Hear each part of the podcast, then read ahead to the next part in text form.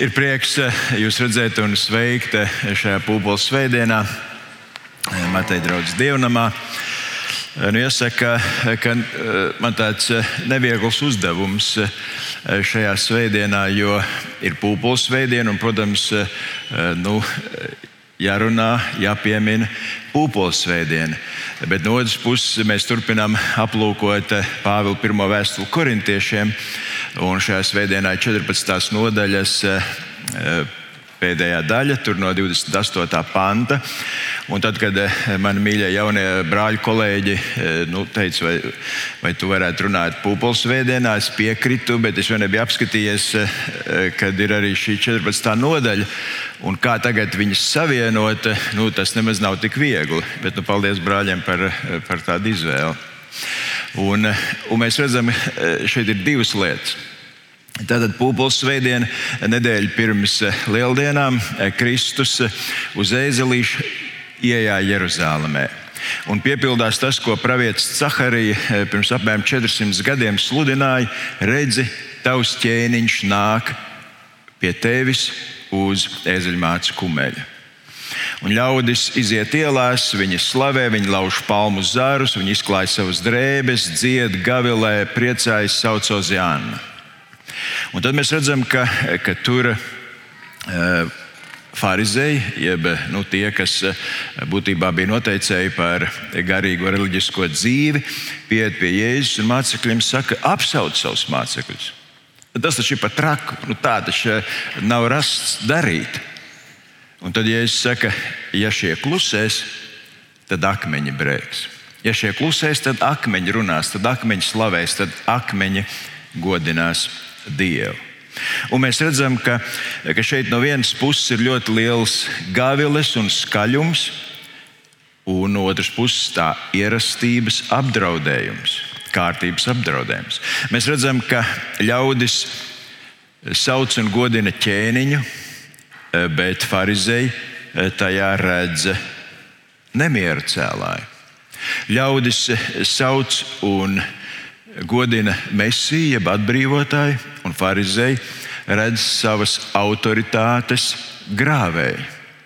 Tur ļaudis sauc un godina glābēju pestītāju, bet farizēji viņā saskata savu pretinieku, pat ienaidnieku, no kur vēlas atbrīvoties.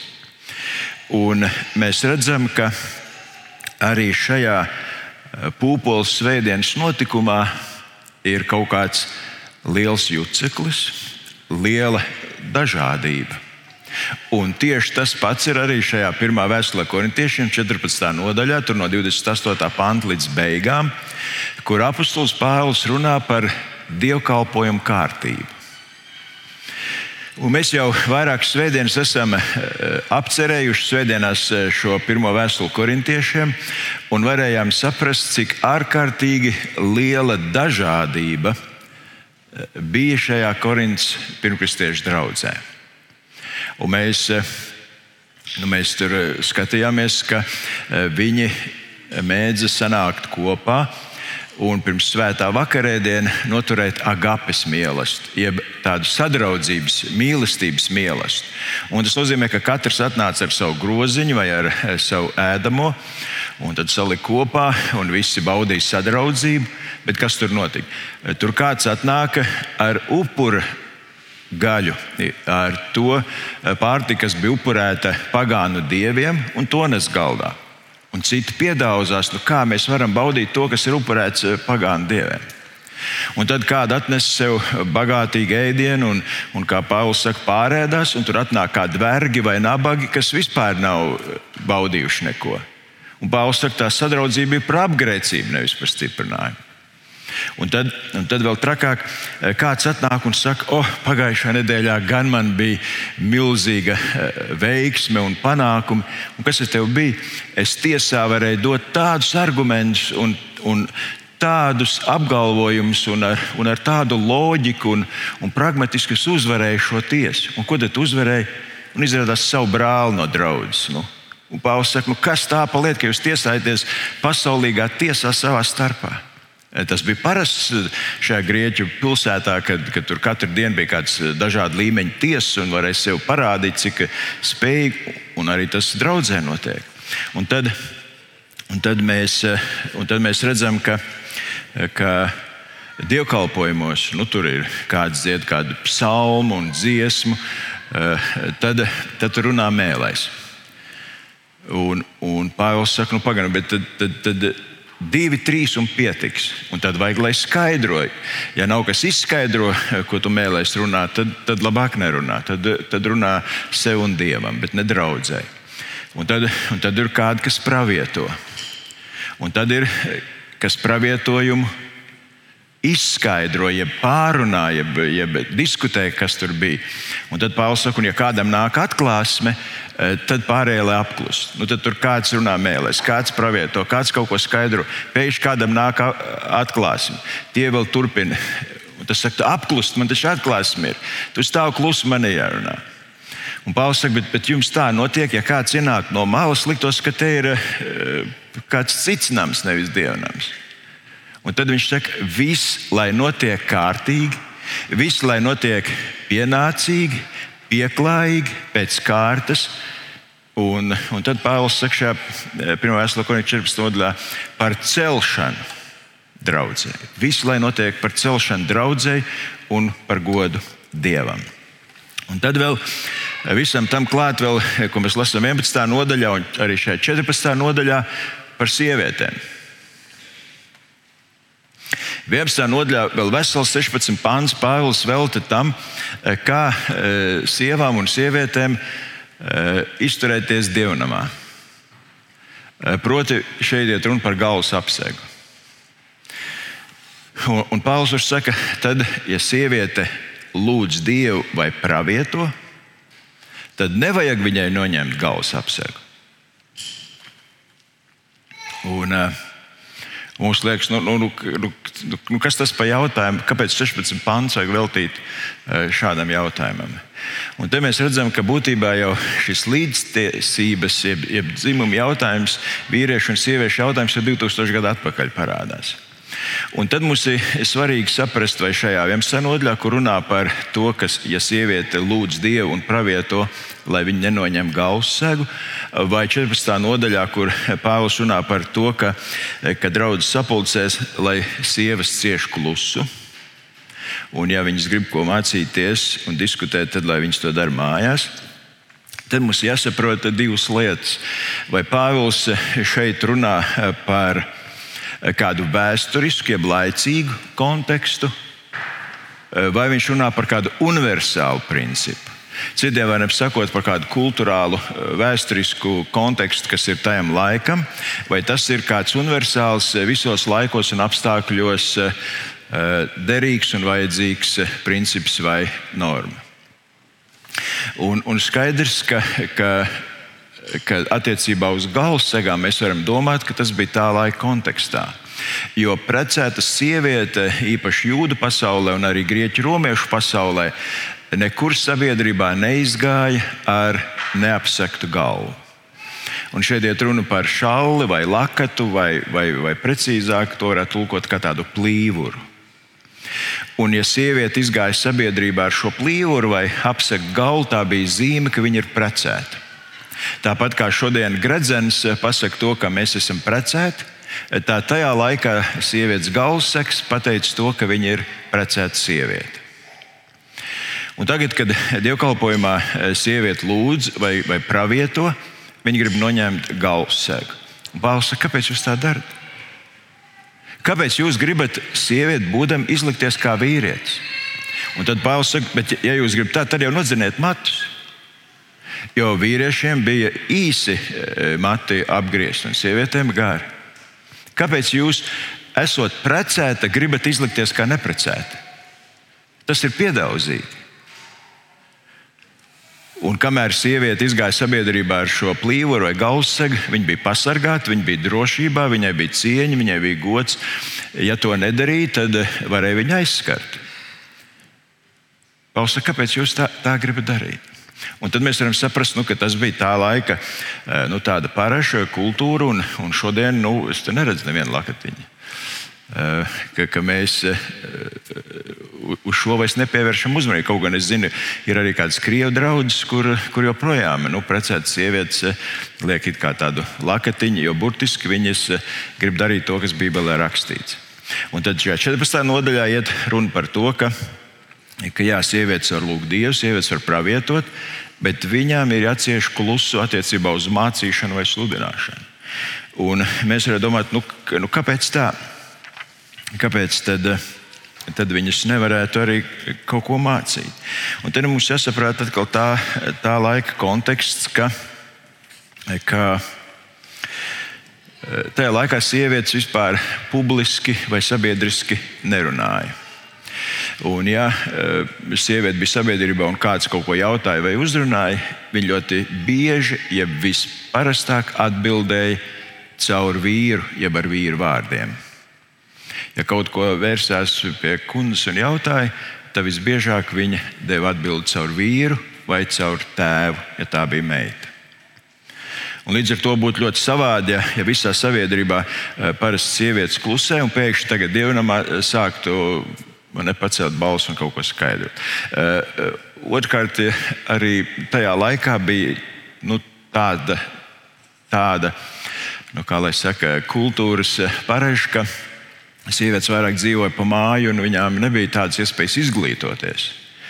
Un līdz ar to arī tagad skaidrot eh, Dieva vārdu vai, vai kādas patiesības, eh, nu, tas varētu būt ļoti savādi. Ja cilvēks, kas tev mācījies, studējis un, un iedziļinājies, pēkšņi sāk to darīt. Un tieši tāpēc arī nu, Pāvils atļauj lūgt Dievu un pravietot Jo pravietojums jau nav balstīts uz manām zināšanām, manu gudrību vai pieredzi, bet gan uz to, ko Dievs ar svēto garu man atklāja. Un tas īstenībā nav mans, tas ir Dievs caur mani runājis. Eh, un, protams, arī šeit Pāvils atsaucās uz, uz Dieva likumu, jeb uz šo subordināciju, kas jau no vecās derības un arī jaunajā derībā iet cauri, ka eh, visam ir eh, sava kārtība. Un proti, ka sieva ir. ir ir pakļauta vīram, jeb ka vīrs ir sievas galva, tāpat kā vīrs ir pakļauts Kristum, jeb Kristus ir vīra galva. Un tad nu, būtu atkal tā savādi, ja, ja šo noteikto kārtību mēs neievērotu. Nu, redziet, šie, šie jautājumi attiecībā uz mūsu lomām vai Eh, līdztiesību vai kārtību eh, arī dievkalpojumā un, un, un kristīgajā dzīvē, protams, ļoti lielā mērā ir atkarīgi no tā, cik burtiski, jeb cik stipri, jeb cik nopietni mēs ņemam Bībeli savā dzīvē. Eh, cik burtiski un cik nopietni mēs paklausām Dievu vārdam savā dzīvēm un no tā būs atkarīgi mūsu lēmumi. Un ir skaidrs, jo vairāk mēs apšaubām, jo vairāk mēs sākam teikt, tas bija tajā laikā, tagad tas ir šajā laikā, jo mazāka kļūst Bībeles autoritāte, jo lielāka mūsu visatļautība un lielāks arī haoss. Es atceros, ka tas laikam kaut kā 2005. gadā bija, kad es no savas ministrijas biju pāris dienas Norvēģijā, man bija iespēja iepazīties ar bērnu, jauniešu un ģimenes darbu Norvēģijā. Un es tikos tur ar ierēģiem, ar dažādām institūcijām, un, un bija vērtīgas sarunas un pieredzes apmaiņa. Un, un tad vienu, vienu dienas priekšpusdienu eh, man bija arī iespēja tikties ar, ar tādu dzimumu ombudu, kurš nu, aizstāvēja dažādu dzimumu tiesības. Un, un eh, iespējas vienlīdzīgi izpausties. Un es jau no sākuma eh, jūtu, ka kad eh, šī, šī saruna, jeb šis dialogs ir vienos vārtos, jo, jo visu laiku man jautā, nu, kā jums tur ar sieviešu tiesībām? Un vai tur sievietēm ir tikpat vienlīdzīgas tiesības kā vīriešiem? Nu, saprotams, ka mēs tur postpadomju valsts, un, un kad mums vajadzētu tagad pārņemt kādas rietumu tradīcijas. Un es teicu, nē, nu, mums viss kārtībā. Nu, nav nekāda problēma sievietei atrast e, savai profesijai vai interesēm atbilstošu darbu, un, un nav nekāda diskriminācija. Bet man atkal un atkal visu laiku nu, tā tendenciozi, vai ne, kā jums tur ar tām sieviešu tiesībām. Un tad, un tad es vienā brīdī e, jautāju tiem cilvēkiem, kā vakar Norvēģijas futbola izlase nospēlēja Eiropas atlases čempionātā. Viņi tā mazliet apstulba. Un, Un viņš saka, vai tāda nelaime? Jo es zināju, ka viņi zaudē. Viņi pēdējā brīdī ļoti neveiksmīgi zaudēja šo kvalifikācijas spēli. Viņš saka, tāda nelaime mēs tā pārdzīvojam. Un es teicu, ziniet, kāpēc viņi zaudēja? Viņš saka, kā? Es saku, viņi zaudēja tāpēc, ka puse no komandas nebija sievietes. Tāpēc jūsu izlase zaudēja. Viņi tā apklusi paskatījās, un mūsu sarunas arī ar to beidzās. Un, redziet, mēs jau varam teorētiski kaut kā spriest un, un manipulēt, bet eh, viss apstājas praksē. Un tāpēc, eh, kad mēs eh, redzam šos divus notikumus, pūpoles veidienu un visu, kas notiek šajā dienā, un šo pirmo vēstuli korintiešu 14. nodaļas beigu par dievkalpojumu kārtību, tad mēs redzam, ka ir kaut kas kopīgs un kaut kas atšķirīgs. Un, un Un tas kopīgais ir tas, ka kad abos šajos notikumos, ko Bībele apraksta, bija kaut kas neparasts. Gan pūpoles veidienā šis gājiens, šī sajūsma, šī rīcība bija kaut kas neierasts. Bija ārkārtīgi liela dažādība, bija, bija liels skaļums, bija liels gavilis. Varētu teikt, nu, bija pamatīgs troksnis un jūtseklis. Un, un arī Korintas draudzē liekas tādas svētības, Bet Pāvils saka, ka, nu, ja kāds iet no malas, liktos, ka trakonamā ienākuši. Un, un, un mēs redzam, ka abās situācijās ir tik liela dažādība, sajaukums un tāda nesaprašanās. Bet ir arī eh, ļoti liela atšķirība. Un mēs redzam, ka pirmā gadījumā, ja pūpoles veidienā eh, viss, kas notika, tas skaļums, tā sajūsma, tā rīcība bija pār Jēzu. Viss, kas notika, bija par Jēzu, jeb dēļ Jēzus. Un savukārt Korintas draudzē, kaut arī bija ļoti nu, spēcīgas šīs izpausmes, tas bija vairāk par mani. Par manu varēšanu, par manu spēju, par manu izpaušanos, par manu demonstrēšanu, cik es esmu garīgs, cik es esmu svēts, cik es esmu pārējis, cik es esmu pārāks nekā jūs visi citi. Un tāpēc eh, Pāvils saka, viss, kas notiek, lai notiek citu celšanai. Un tāpēc šodienas eh, mūsu pārdoma eh, virsraksts ir no gājiena uz dievnām. Un divus jautājumus mēs šodien varam sev pēc šī garā ievada arī sev uzdot. Un tas pirmais jautājums ir, kam es sekoju? Kam es sekoju? Uh, mums, jau, mums jau gribās sacīt, ka es esmu brīvs cilvēks. Un neviens man nekontrolēs. Neviens nediktēs, kā man rīkoties un kā man dzīvot. Un, uh, neviens eh, par mani nevaldīs. Eh, tomēr mēs labi zinām, ka eh, gan mūsu izsekošana, gan kontrolēšana ir daudz lielāka nekā mēs pat spējam to iedomāties. Un reālajā dzīvē mēs katrs kaut kam sekojam. Mēs sekojam tam, kas notiek pasaulē, un, protams, ka mēs katru dienu sekojam, nu, kas notiek Ukrajinā un, un kā, kā tur šīs lietas norit vai karš beigsies, vai turpināsies. Mēs sekojam kādiem cilvēkiem, kurus mēs pazīstam, vai kur mums ir kāda autoritāte. Mēs, protams, sekojam eh, dažādām interneta dāvātām iespējām, kādiem blogiem, mūzikām, diskusijām, eh, kādām programmām. Mēs sekojam tam, kas notiek manā profesionālajā dzīvē, lai, lai vienkārši turētu pulsu. Galu galā mēs jau sekojam katrs paši sev un saviem principiem, saviem uzskatiem. Un, eh, tas jautājums jau ir, kam es sekoju? Kam es sekoju? Un, un tādi trīs soļi, eh, ko mēs varam sev pārbaudīt, eh, kas tad ir tas, kam es sekoju. Un vispirms jau mēs sekojam tam, kas man interesē. Es gribu kaut ko noskaidrot, es gribu kaut ko pārliecināties, es gribu kaut ko saprast. Man tas interesē, man tas nedod mieru, un tāpēc es tam sekoju. Kas, kas piepilda manu prātu? Kas nomok manu sirdi? Ko es gribu noskaidrot? Un, ja mēs domājam par tiem notikumiem Pūpoles svētdienā, kur tauta un, un, un kad mēs tur lasām evanģēlijā, kad pat visa tauta viņam izgāja pretī. Un, un kā pētnieki mēdz sacīt, tad uz Paskās svētkiem, kas būs pēc uh, nedēļas, sanāca visi, kas dzīvoja apmēram 30 km radiusā ap Jeruzalem, un tad uz šiem svētkiem Jeruzalemē pamazām sapulcējas ap 2 miljonu cilvēku. Un tad milzīgs ļaužu skaits tajā laikā bija Jeruzalemē, un mēs lasām, ka visa tauta sekoja Kristum.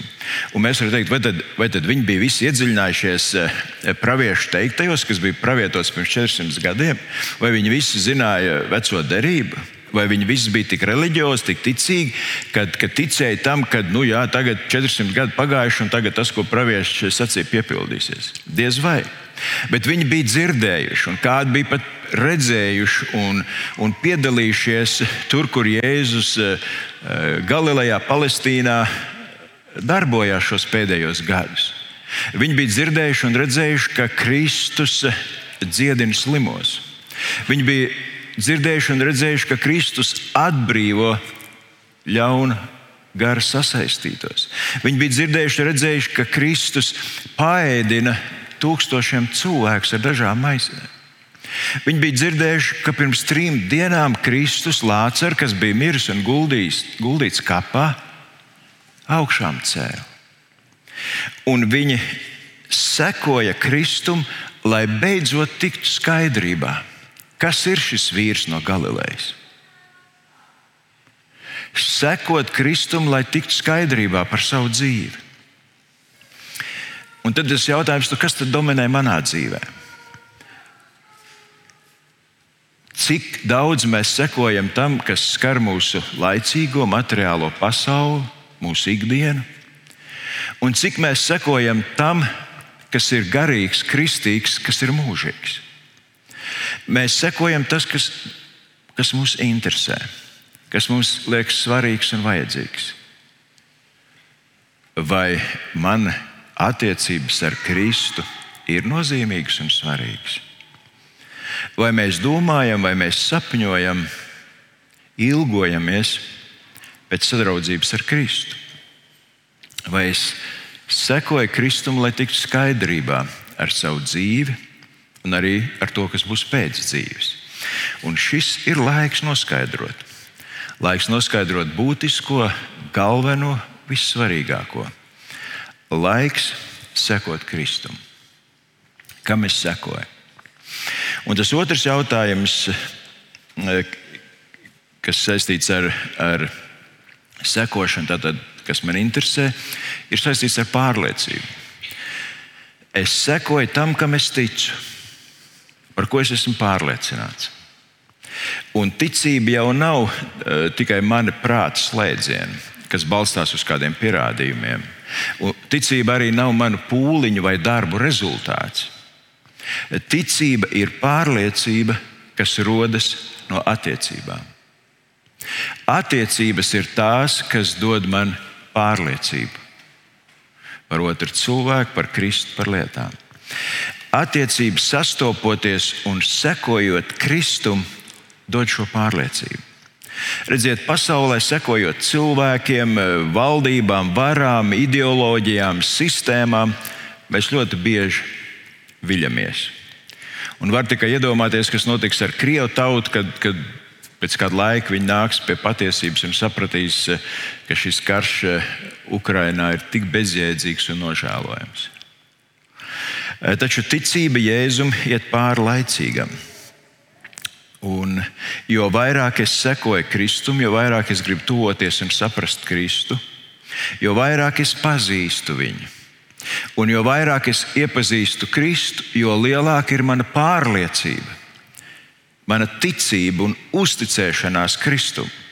Ka nav labākas izvēles un ka nav labāka drauga, ar ko savu dzīvi kopā vadīt, kā Kristus, kurš manā vietā, manā labā ir darījis visu, pat savu dzīvību nav žēlojis.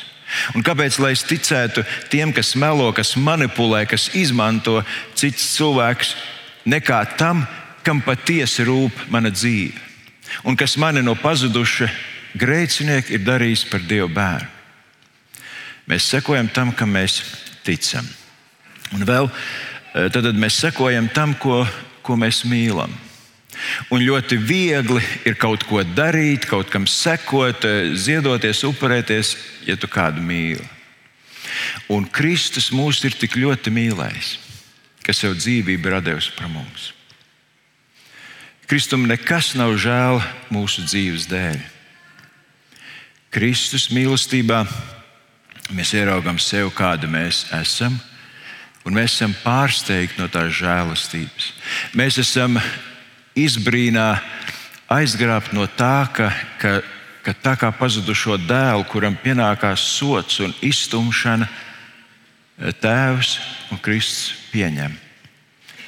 Un ne tikai pieņem, bet rīkos svinības. Un kāpēc nesakot tam, kas vienalga kāda mēs arī nebūtu, mūs mīl? Kāpēc nesakot tam, kas visu ir gatavs darīt mūsu dzīves labā? Mēs sekojam, tāpēc, ka mums ir interese, mēs sekojam, tāpēc, ka ticam Kristum, mēs sekojam, tāpēc, ka mīlam viņu. Tas jautājums ir, kā mēs sekojam ikdienā. Un tas otrs jautājums ir, kāds ir mans devums? Un te mēs atgriežamies pie šīs pirmās vēstules korintiešiem, no 28. nodaļas. Un, un tad mēs saprotam, ka sekošana agri vai vēlu aizvedīs tevi uz draugu. Sekošana Kristum agri vai vēlu tevi aizvedīs pie cilvēkiem, kuri arī seko Kristum. Un tad nu ir jautājums, ka tādi sekotāji Kristum satiekas, ko tad viņi dara? Kas tur notiek? Un, un tas jautājums ir, kāds tad ir mans pienesums, kad es satiekos ar citu tādu pašu sekotāju Kristum? Pūpoles veidienā e, šie sekotāji Jēzum cirta, vicināja, klāja palmu zarus, viņi noģērba savus drēbes un izklāja kā paklāju. Viņi slavēja, godināja, priecājās, lēkāja, soļoja. Korintas draudzē viņiem nebija pilna laika mācītāji, bet viņi bija bagāti ar dažādām garīgām izpausmēm un dāvanām. Un kā mēs lasām 14. nodaļā, kādam bija psalms, ko viņš dziedāja vai sacīja, kāda dziesma, ko viņš līdzdalīja. Tur kādi runāja mēlēs, un, un tad kādi tulkoja. Pāvils saka, nu pietiks ar diviem, trim runātājiem, un tad tur kādi pravietoja, un, un kādi to, ko pravieši teica, tad izskaidroja, jeb, jeb diskutēja. Un tad droši vien laikam arī kādas sievas lec kājās un kaut ko teica, un, un Pāvils saka, nē, nē, sievas lec cieši klusu. Un, un tad tur kādi mācīja, un, un tad kādiem nāca atklāsme, un tad teica, tad tie jūs apklustiet, tagad atklāsim. Un Pāvils saka, viss lai notiek kārtīgi un par celšanu. Un redziet, pirmkristiešu draudzē katrs atnācējs uz dievkalpojumu nāca ar savu pienesumu. Pirmkristiešu draudzē sekotājs Kristum nenāca uz dievkalpojumu tikai kā klausītājs. Viņš nenāca uz dievkalpojumu tikai kā saņēmējs. Nē, viņš nāca ar domu, ar šo pārliecību, ka es nāku, lai ar kaut ko dalītos, lai ar kaut ko izpaustos, lai ar kaut ko apliecinātu, ka es sekoju un ticu Dievam. Un skaidrs, ka šodienas tik trakajā, ātrajā laikā un tajā materiālistiskā laikā, kurā mēs dzīvojam, mums ir vajadzīgs kāds, kas mums pamāca un palīdz saprast Dieva vārdu. Jo mums vienkārši nav laika vai arī tādas gribēšanas, lai mēs varētu tā iedziļināties un saprast. Un tāpēc mēs atnākam uz dievkalpojumu un gribam, ka kāds mums paskaidro, ko tad Dieva vārds saka par šo konkrēto lietu, problēmu, par manu dzīvi, kas norāda uz grēku, uz kļūdām un reiz arī uz to, kā mēs varam tikt brīvi un kā mēs varam dzīvot Dieva spēkā un uzvarā. Un tāpēc mums vajadzīgs kāds cilvēks, kas ir mācījies, kas lūdz Dievu, kas ir jautājis, kas saņēmis kādu atklāsmi par to, kas draudzē ir vajadzīgs. Un tāpēc mums ir pilna laika sludinātāji, bet Korintai toreiz nebija. Bet tajā pašā laikā arī jaunā derība saka to, ka katrs sekotājs Kristum ir vispārējā priesterībā iesaistīts. Ja citiem vārdiem sakot, ka katrs ticīgais ir sludinātājs un mācītājs un dieva vēsts paudējs. Bet visam jānotiek par celšanu, draudzē un par godu dievam. Un, un tas nozīmē to, ka mēs esam aicināti dalīties, ja pienest citu labumam arī kādu garīgu dāvanu. Un, un to mēs eh, varam darīt dievkalpojumā, to mēs varam darīt mazajā grupā, kur mēs vairāk varam viens otram uzticēties, kur iepazīt un atklāties, vai kādā kalpošanā. Dievs aicina eh, mums dalīties. Bet dievkalpošana nav izrādīšanās, vai, vai lielīšanās, vai kaut kāda sacensība, vai nedod Dievs koncerts, eh, kur es apliecinu sevi kur es egoistiski izceļu sevi un savu spējas un talants, bet visam ir jābūt ļaužu celšanai un dievu godam. Un tas jautājums ir, kāds ir mans pienesums, kad es atnāku uz dievnam? Es esmu šodien piecēlējis. Piecēlies, un kādu droši vien nomazgājuši mašīnu. Uz baznīcu nevar braukt ar netīru mašīnu. Tad mēs esam kādu brīdi veltījuši laiku, lai domātu, ko ģērbt. Jo pagājušā svētdienā jau es biju tāda drēbe. Un tad mēs atnākam uz baznīcu. Un, ziniet, šis pienesums, kad laikā mēs varam sēdēt mājās, dīvainā vai, vai pat gultā un skatīties no sava ekrāna, bet es tomēr esmu klātienē, tas ir ļoti labs pienesums. Mums pat gribētu aplaudēt pašam, ka mēs esam tik varonīgi un tik labi, ka mēs esam atnākuši svētdienā uz dievnam. Tas ir ļoti labs pienesums. Bet, eh, bet tas jau nav viss. Nu, vai es dziedu līdzi? Un mēs gan sakām, nu, latvieši ir tāda dziedātāja tauta, neviens cits tā nedzied kā latvieši, izņemot kristīgie. tie ir tik bijīgi, kad, kad tur tikai tiem, kam absolūtās dzirdes pāriet. Nē. Vai es pienesu arī savu dziesmu, savu slavu, savu pateicību? Un pat ja man nav eh, operbalss eh, īpašnieka eh, spējas, es pievienojos tam, ko draugs dzied un slavē. Man jau nav pilnā balsī jādzied, es varu tā klusināt, dziedāt līdzi, bet es atbalstu to. Es varbūt pat arī slavēju Dievu, paceļ rokas, jo es, es piekrītu šai Dieva slavai. Es pienesu kopā ar citiem savu dziesmu, savu psalmu. Es lūdzu Dievu klusībā un skaļāk. Es piekrītu tam. Es aicinu, lai Dievs iejaucās tajās vajadzībās. Es saku, Āmen. Es kopīgi lasu Bībeli. Tas ir mans pienesums. Es ziedoju Dieva darbam, šai draudzē un, un vajadzībām. Es aprunājos pēc dievkalpojuma. Es uzreiz neskrienu mājās, mācītāji tur var stāvēt kādu brīdiņu un stāvēt, bet, bet nemaz cilvēki tik daudz neiet garām, tāpēc ka viņi grib aprunāties, grib sasveicināties, sadraudzēties. Tas ir mans pienesums, ka es varu eh, savu valodu, savu laiku veltīt otram, būt sadraudzībā. Es dažkārt saku kādu liecību, tā kā Zana eh, šodien sacīja. Mums, eh, es eh, arī kalpoju, un es domāju, ja, ja katrā dievkalpojumā tie, kas ir iesaistīti, lai dievkalpojums noritētu un, un viss būtu tādā glītumā un kārtumā, iznākt priekšā, tā būtu maza draudzene no šiem cilvēkiem viena. Ko, ko es pienesīšu celšanai? Kāds ir mans pienesums? Un tātad, saliekot šos eh, divus notikumus, šo pūpolu svētdienu un šo Pāvilu aicinājumu par kārtību dievkalpojumā, mēs redzam šos divus jautājumus - sekošanu un došanu. Sekosim Kristum. Un Pūpoles svētdiena aicina mūs sekot Kristum vai apliecināt Kristu pat ar kaut ko neparastu. Tā kā ar palmu zariem, ar, ar savām drēbēm, ko noģērbjam un izklājam kristam zem kājām, ar skaļām gavilēm un prieku. Vai mēs sekojam Kristum ar kaut ko neparastu? Un redziet, axioma ir, jo mēs vairāk un tuvāk un ciešāk sekojam Kristum, jo mums vairāk ir ko dot, jo mums vairāk ir ko dalīties. Un mēs jau varam izlasīt kādā teoloģiskā grāmatā, vai, vai kaut kur, un kaut kādu apcerējumu, vai kaut kādu referātu varam kaut ko pateikt. Bet jo mēs vairāk sekojam Kristum, jo mums ir ko dot no savas dzīves, no tā, ko Dievs ir darījis manā dzīvē, manā ikdienā. Kā Dievs mani pārveidojis un kā Dievs dod man šo drošību un paļāvību jebkurā situācijā un apstākļos. Un tāpēc, lai Dievs dod gan šajā lieldienu laikā, gan visā dzīvē un ikdienā, sekot Kristum, lai būtu ko dot par svētību un iedrošinājumu citiem. Lai Dievs uz to mums palīdz. Āmen. Pielūgsim Dievu.